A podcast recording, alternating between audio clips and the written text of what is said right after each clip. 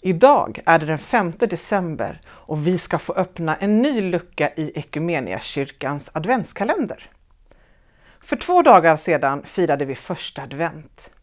Vi sjöng Hosianna Davids son och vi fick höra om hur Jesus red in i Jerusalem på en åsna.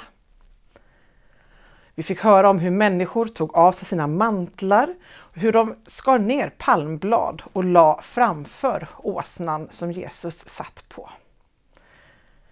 Har du någonsin tänkt och önskat, tänk om jag hade fått vara med där. Tänk om jag hade fått gå bredvid Jesus in i Jerusalem. Det har jag gjort. Och vet du, det läckra är att det är möjligt.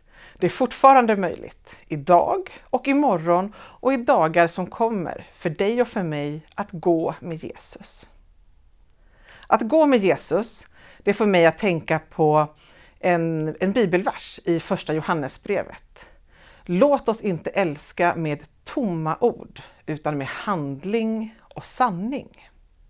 Och de här orden, att inte älska med tomma ord utan med handling och sanning får mig att tänka på en församling som jag har besökt i Ecuadors huvudstad Quito.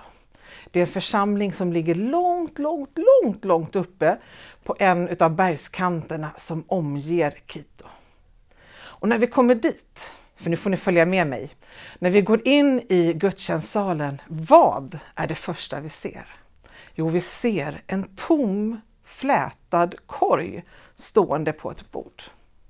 Och vi får berättat för oss utav ledarna i den här församlingen att varje gudstjänst, varje söndag så delas det ut små lappar till alla som är med i gudstjänsten. Där det kan stå på lapparna ett halvt kilo salt, ett kilo ris, en halv liter olja. De här sakerna utmanas de som är med på gudstjänsten att ta med sig till nästa söndag.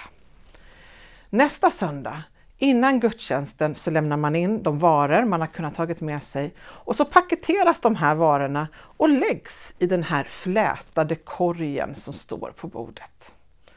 I gudstjänsten så delas sedan den här korgen, kärlekskorgen, ut till någon som är i stort behov.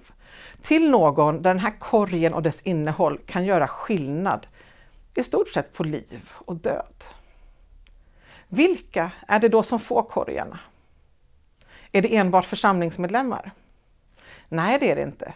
Det är absolut så att församlingsmedlemmar som är i behov kan få den här kärlekskorgen. Men den här församlingen känner sin stadsdel, känner människorna som bor i närheten av församlingen och vet var behoven finns. Så det är lika vanligt att någon som inte är aktiv i församlingen får den här kärlekskorgen. Och människorna som bor i närheten av församlingen vet om att den här möjligheten finns. Så ibland kommer de dit, knackar på dörren och säger Jag behöver hjälp. Jag får det inte att gå ihop. Den här församlingen har hittat sitt sätt att svara på det här. Det här är en församling som inte består av rika människor, men som älskar med handling och sanning. Låt oss be. Herre Jesus, tack för att vi varje dag får gå med dig. Hjälp oss att älska med handling och sanning idag, imorgon och alla dagar som kommer. Amen.